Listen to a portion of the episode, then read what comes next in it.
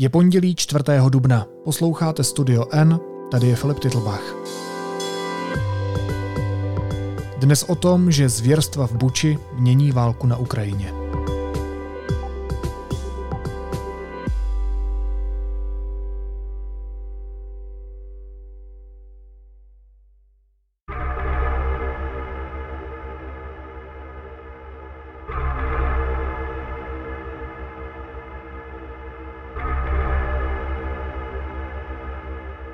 Radost z osvobození řady ukrajinských měst a vesnic střídá zděšení. Ustupující ruská armáda se podle řady svědků mstila civilistům. Na ulicích Buči nedaleko Kyjeva leží těla zastřelených lidí v civilním oblečení, některá se svázanýma rukama. Stopy mučení nesou i nalezená dětská těla.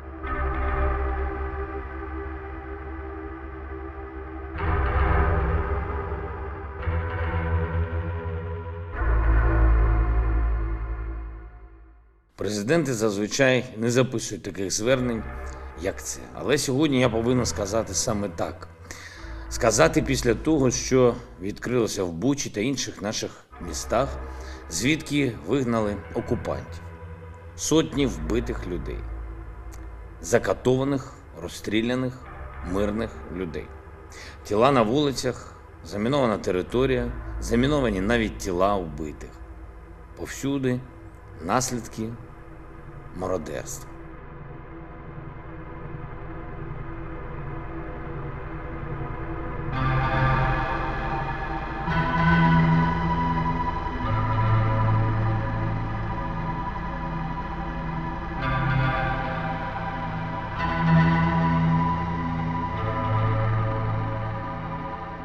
Hostem podcastu je reportér slovenského deníku N. Mirek Tóda. Mirku, vítej. Ahoj. Ahoj Filip, pekný deň vám všetkým. Jaké záběry, jaké informace, jaká svědectví k nám proudí z Buči, kterou Ukrajinci dobili zpět? Tak jednoznačne je to masakér. Prezident Ukrajiny Volodymyr Zelenský tomu to nazval koncentrované zlo. A to sa mi zdá ako veľmi adekvátny výraz. На нашій землі побувало концентроване зло, вбивці, кати, гвалтівники, мародери, які називають себе армією і які заслуговують тільки на смерть після того, що вони зробили. A je to čisté peklo, ešte by sa dalo povedať. A ako hovorí bývalá vlastne hlavná žalobkyňa Medzinárodného trestného tribunálu Karla Del Ponte, sú to vojnové zločiny a ruský prezident Vladimír Putin na ňo by mal byť vydaný zatýkač. S tým myslím, že veľa z nás asi by sa vedelo zmieriť po tom všetkom, čo sme videli v Buči, v meste, ktoré je nejakých 25 km na sever od Kieva. Tie fotografie a videá, ktoré sme videli, sú naozaj ako z nejakého strašidelného filmu, nejakého hororového filmu, kde na zemi ležia mŕtve tela, niektoré sú zviazané, boli zastrelení výstrelom guľkou do hlavy.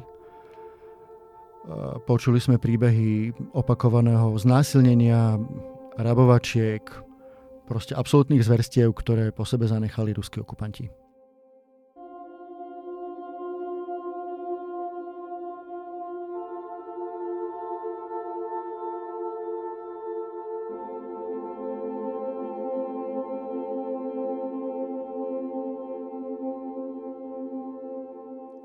Proč to ti Rusové dělají?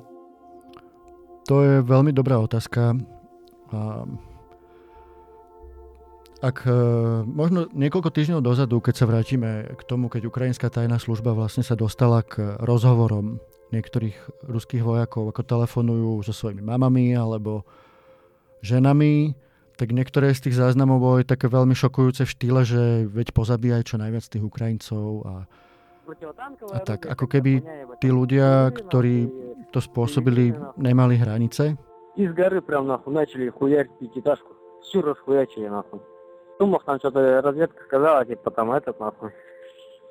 Э, типа пятиэтажки, ну, высотки есть там. Город большой. Э. Получается, первый этаж сидят нахуй эти, мирные жители. Второй этаж нахуй začali sa správať ako zvieratá na tom bojovom poli.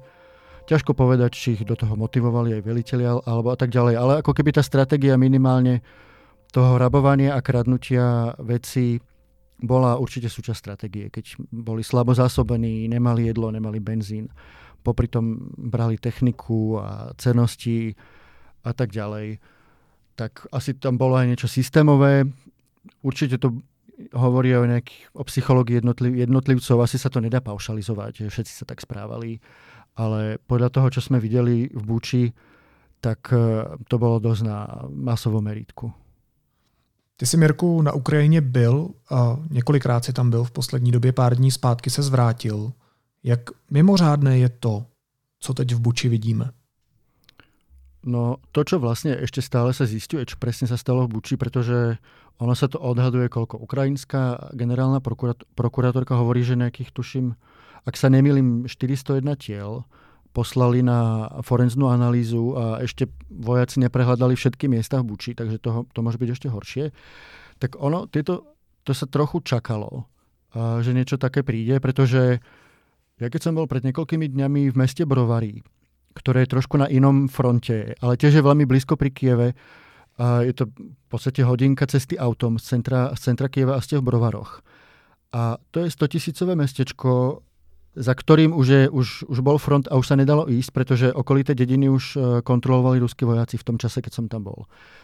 A stretol som niektorých utečencov, utečenkyne, dôchodkyne z dvoch dedín, hneď za Brovarmi, a oni mi už rozprávali príbehy, ktoré zneli veľmi strašidelne.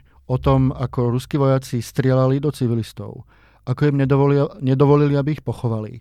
A v niektorých prípadoch dokonca po nich prešli tankami. A ja som to overiť nemohol, pretože v tom čase tie dediny boli ešte stále vlastne pod kontrolou ruských vojakov, ale nemal som najmenší dôvod, aby som tým starším ženám dôchodkyňam neveril, a, aby som si myslel, že si vymýšľajú. To určite nie.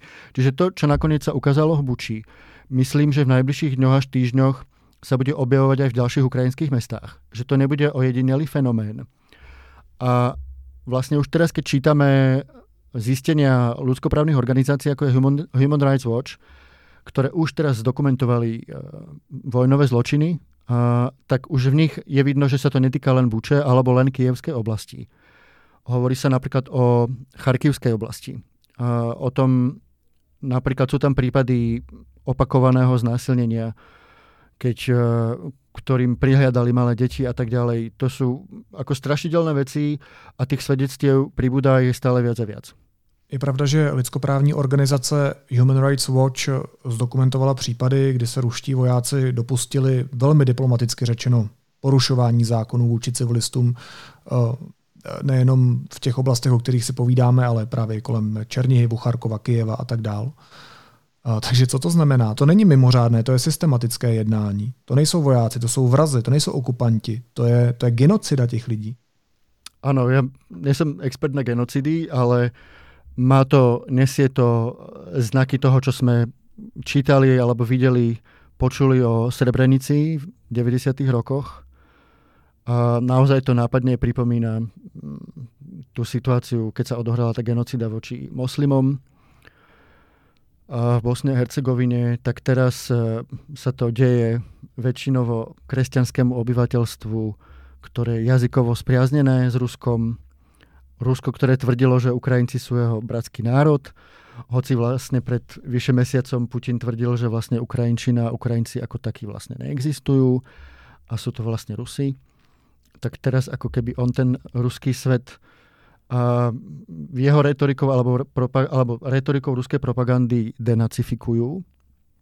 A ja som dneska vlastne čítal taký dobrý komentár eh, zástupcu šéf-redaktora Novej gazety Kirila Martinova, ktorý napísal na, na Twitteri, že, že OK, tak teraz sme naozaj svedkami ako keby tej v úvodzovkách denacifikácie, ktorá znamená, že zabíjame svojich vlastných ľudí.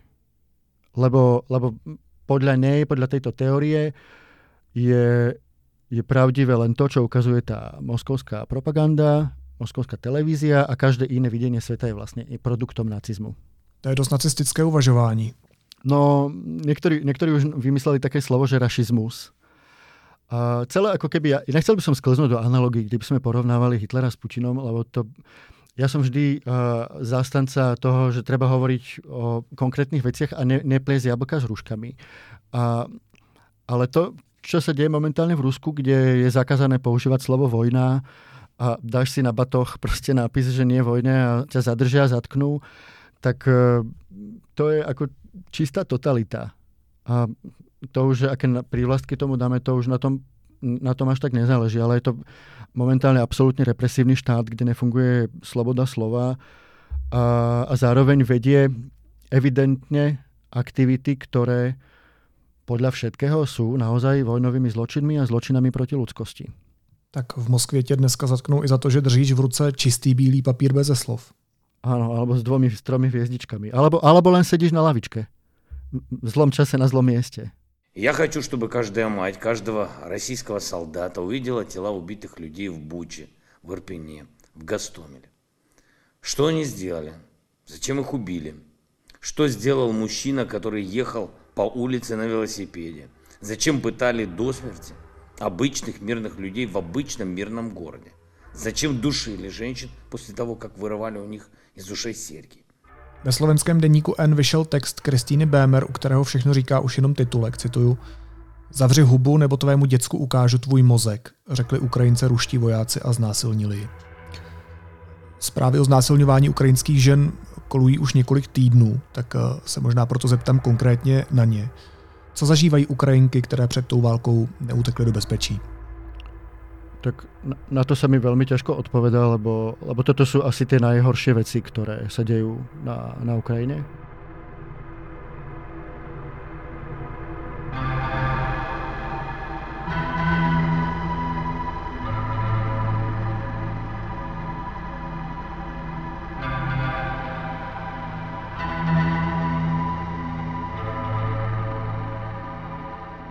Je to, je to obludné, a Ukrajinky, ktoré patria určite medzi jedny z najkrajších žien na svete a, z- a zároveň sú veľmi statočné a inteligentné a hrdé, tak uh, sú vystavené v mnohých prípadoch obrovskému násiliu a takým tomu ako najhorším zločinom, aké sa môžu stať.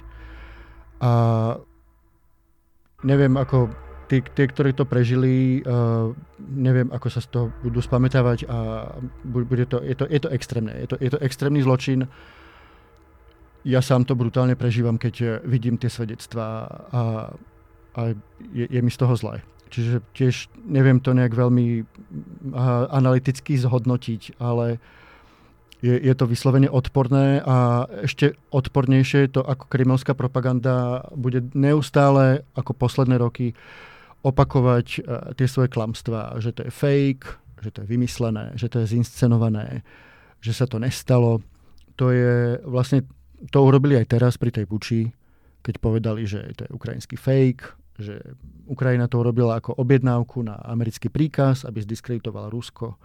Tak ja si neviem predstaviť, že by v Buči teraz proste stovky vojakov proste vláčili proste stovky tiel a, a hra, vyhrabávali proste masové hroby, ktoré inak už boli vlastne zdokumentované na satelitných snímkach v časoch, keď e, to územie ovládali Rusi. Ale napriek tomu tá cynická propaganda si ide svoje, ide ďalej a možno ešte horšie ako tí tvorcové tej propagandy sú tí, ktorí papa, papagájujú a, tú propagandu. Že ani, ani takéto veci, ani takéto hrozostrašné zločiny ako tie, ktoré sa dejú tým ukrajinským ženám, nezahýbu a tými trollmi, tak to je velmi nepochopitelné. Ty jsi, Mirku, jako válečný reportér zažil několik konfliktů. Co s tebou dělá tenhle? Děje, děje se v něm něco, co jsi nikdy dřív neviděl?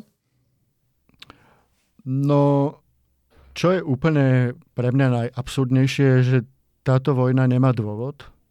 Alebo teda má, hej. Ten dôvod je Vladimír Putin a, a, a ľudia okolo neho, ktorí vytvorili tú nejakú ideológiu, a nejakú tú rozprávku o tej obliehanej pevnosti, ktorá je ohrozená.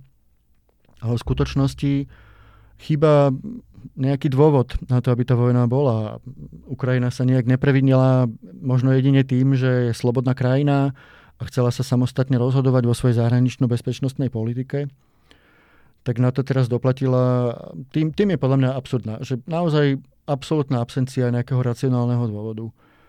Je to, je to je to nepochopiteľné. No a potom, v čom je to iné, tak je samozrejme tou obrovskou koncentráciou tých ruských vojsk, tou, tým megalomanstvom. Nerozprávame sa teraz o nejakom malej 5-dňovej vojne medzi Ruskom a Gruzínskom, kde Rusom stačilo nasadiť malý zlomok svojich jednotiek a veľmi rýchlo vlastne dosiahli, čo chceli.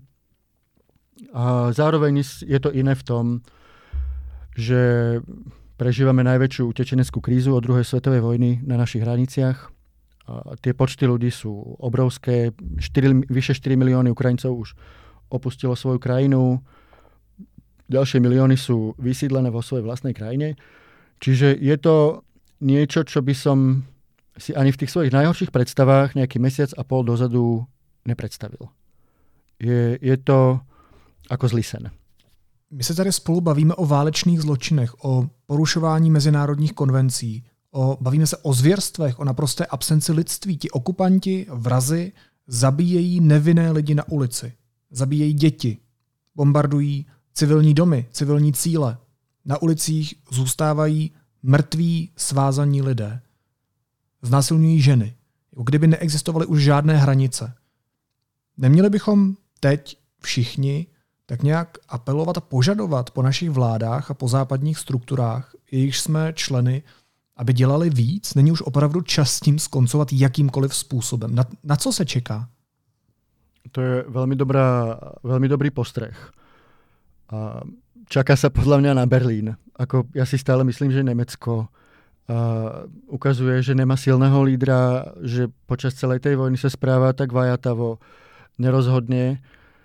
A, a, lebo to vidíme už teraz po tej buči. Keď si človek pozrie tie jednotlivé vyhlásenia tých jednotlivých lídrov, tak e, na jednej strane napríklad už aj dokonca aj francúzsky prezident Emmanuel Macron hovorí, že toto je čas, kedy by sme mali zastaviť import plynu a, a ropy z Ruska. Lebo veď to, je, to sú jasné vojnové zločiny, za ktoré je zodpovedná Ruská federácia. To hovorí Emmanuel Macron, ktorý, sa do, ktorý donedávna vyvolával skoro každý deň s Putinom, viedli 5-hodinové rozhovory, zrazu niečo také povie. To povie Josep Borrell, šéf unijnej diplomácie, povie, že sme svedkami vojnových zločinov, za ktoré je zodpovedná ruská armáda. A to je niečo, čo doteraz bolo tabu že by sa povedalo, po, väčšinou by to povedali tak diplomaticky, že sme znepokojení tým, čo sa stalo a požadujeme, aby sa to vyšetrilo a výnik bude potrestaný. Bez toho, aby sa povedalo, že to je Ruská federácia. Teraz už, už svetoví lídry otvorene hovoria, že, že je to vlastne Vladimír Putin a jeho armáda, ktorá je zodpovedná za vojnové zločiny doteraz si na ten slovník dávali pozor, pretože sa predpokladá, že, že veď OK, to ma, mal by Medzinárodný tribunál rozhodnúť o tom, či to je alebo nie je vojnový zločin. Len tak veľmi dobre vieme, ako funguje taký vojnový tribunál. Trvá to roky, je to problematické. Je to problematické o to viac, že Rusko je stálym členom Bezpečnostnej rady OSN, čiže všetky akékoľvek snahy vyriešiť to takým tým proper systémom, takým tým dôkladným, ako, ako, ako funguje vlastne medzinárodná politika, sú vylúčené. Podobne ako povedzme, keď bolo, bola sme boli svetkami etnických čistiek v Kosove, tak nebolo to možné vyriešiť diplomatickou cestou, pretože Rusko blokovalo akékoľvek snahy o diplomatické riešenie toho konfliktu a akékoľvek snahy o vyšetrenie tých, tých zločinov, ktoré tam prebiehali. Čiže celé, ako keby ten medzinárodný systém je momentálne chorý, je, sme momentálne v nejakom limbe, kde vidíme, že sa deje, deje vojnové zločiny ale vlastne sme veľmi slabí s tým niečo urobiť. A do veľkej miery to súvisí aj so, s váhou Európskej únie, ktorá doteraz fungovala iba ako ekonomická veľmoc a nie bezpečnostná. A nie ako globálny hráč. Napriek, napriek tej, tomu ekonomickému výtlaku, ktorý má, napriek tomu vplyvu, ktorý má, EÚ bohužiaľ bola ako keby radosť sama pre seba. Ona žila v tom svojom rozprávkovom svete, kde zrazu prestali vojny a všetko bolo fajn. A, a podceňovala sa tá ako keby sila toho agresora zvonku. Dlhé roky. Už vlastne v roku 2014, keď sa zostrelilo lietadlo MH17 nad Donbasom, to malo byť prvý varovný príklad, že je tu agresor, spáchal zločin, treba to jasne odsúdiť a vy, vyvodiť nejaké jasné konsekvencie. To sa bohužiaľ nestalo a potom nasledovali ďalšie ďalšie prípady. Skripal, Vrbietice, Alex Navalny, Alexej Navalny a tak ďalej. Mnohé tieto veci a stále ten Berlín musím znovu sa vrátiť k tomu Berlínu, reagoval ako keby sa zase až tak nič strašné nestalo. A teraz sme vlastne v situácii, že sa stalo niečo, čo nikto z nás si nevedel predstaviť ani v tých najhorších snoch a, a je to tu a Európska únia na to nie je pripravená.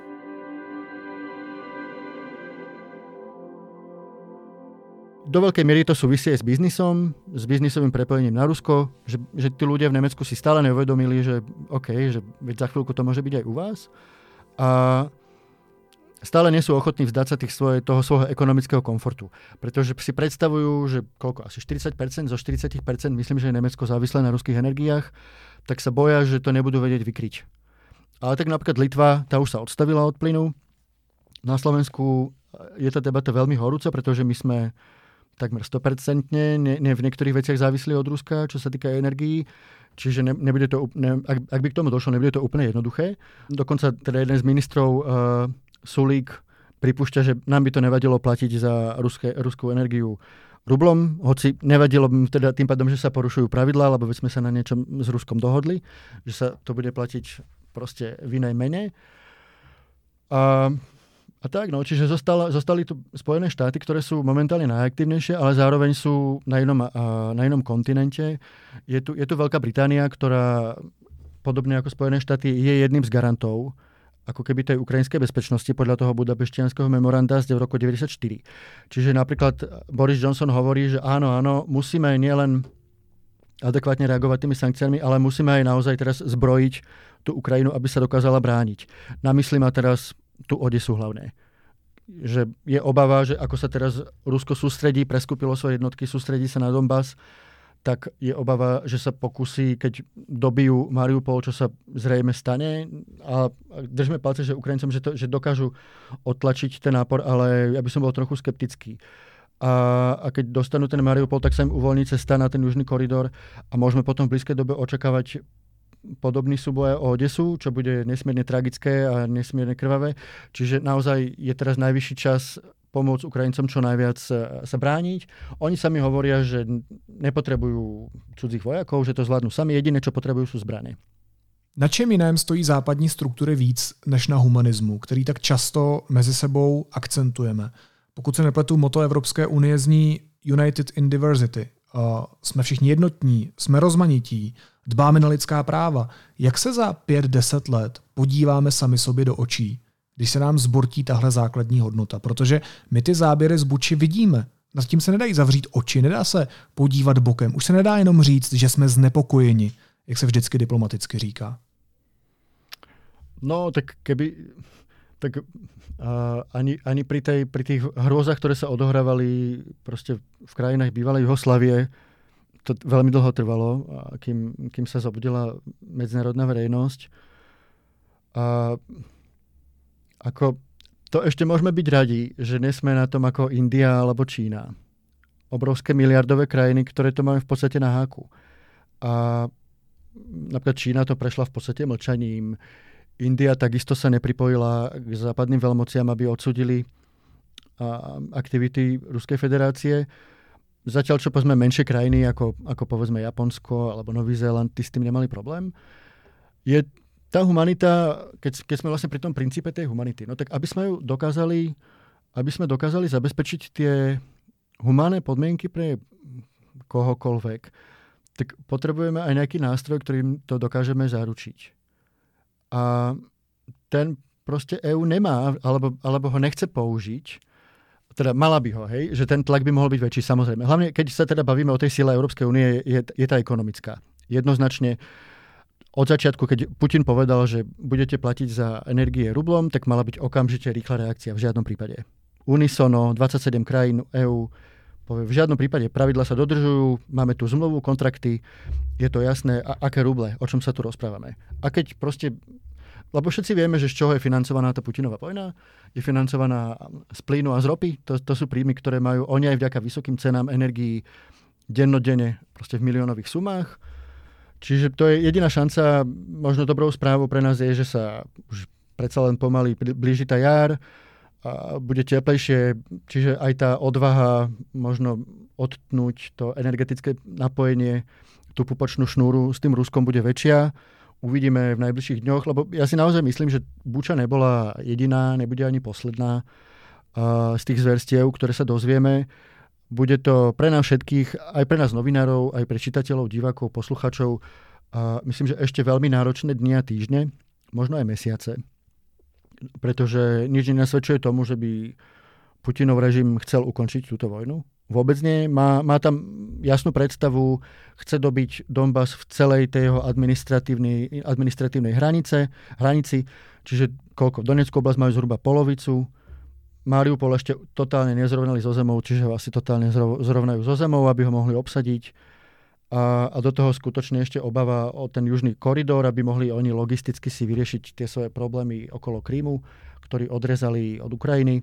Lebo aj všetky tie debaty ako keby o tom, že, že ten Krym bol vždy ruský a, a že patrí k nemu. Áno, ako populač, populačne je tam momentálne, na, ako tam je najviac toho ruskojazyčného alebo etnicky ruského obyvateľstva, ale keď sa pozrieme logicky, geo, ako geograficky na ten polostrov, tak patrí tej Ukrajine. Ako, už len kvôli tomu. A keď sa bavíme historicky, tak to je už úplne iná káva. A boli tam ďaleko pred Ruskom iné národy, a, rozprávať o, histori- o nejakom historickom dedictve a šíriť takú tú ruskú nacionalistickú ideológiu o nejakom jednoliatom ruskom svete je naozaj pripomínajúce tú ideológiu, o ktorej sme sa rozprávali v úvode tohto podcastu.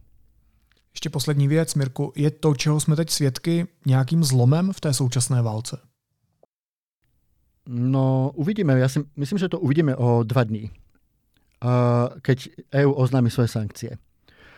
Dneska som vlastne telefonoval s jedným diplomatom v Bruseli, že aká je nálada po tej buči a, a čo teda, že ako dlho vlastne trvá prijať sankcie. Tak on, on mi vlastne hovoril, že, že OK, že bol taký vizuálny šok pre nás všetkých, že viac menej sme to ale čakali, že to sa bude diať a že keby náhodou Ukrajinci získali späť Mariupol, tak to bude násobne horšie.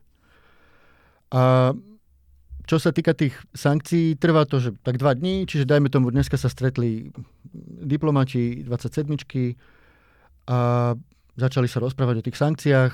Najskôr, ak to rýchlo pôjde, tak v stredu by mohli oznámiť výsledok a predpokladá sa, že embargo ruských energií medzi nimi nebude.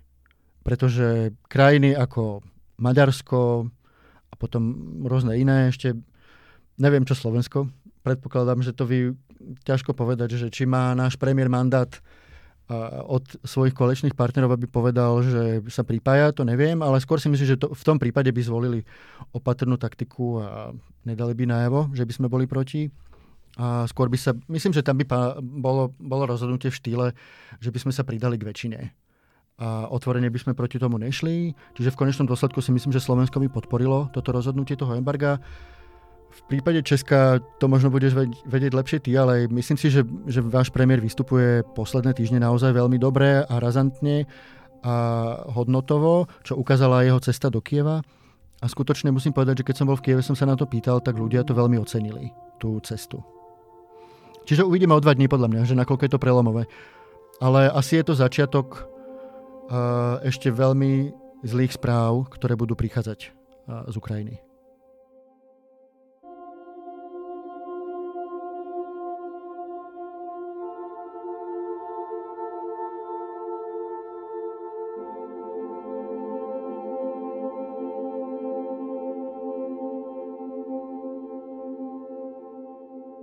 Říká reportér slovenského denníku N. Mirek Tóda. Mirku, moc ti děkuju a opatruj se. Ahoj. Ahoj.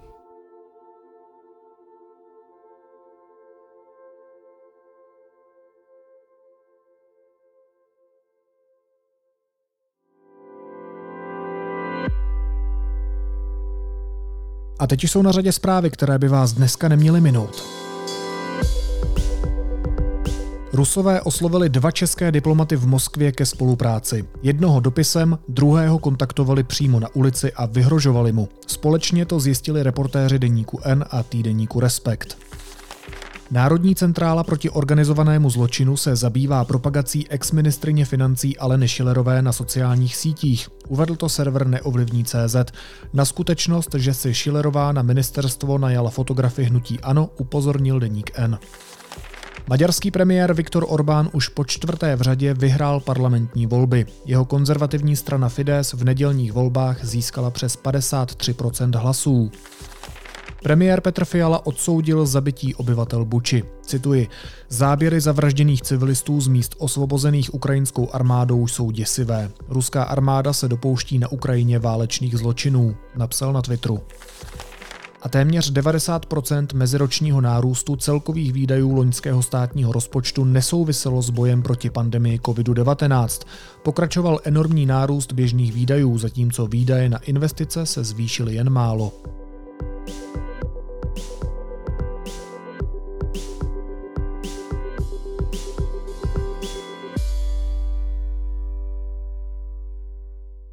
A na závěr ještě informace o tom, kde pomoct. České neziskové organizace založily projekt pomáhejukrajině.cz, kde můžete v jednoduchém formuláři poskytnout, co je zrovna potřeba. Naslyšenou zítra.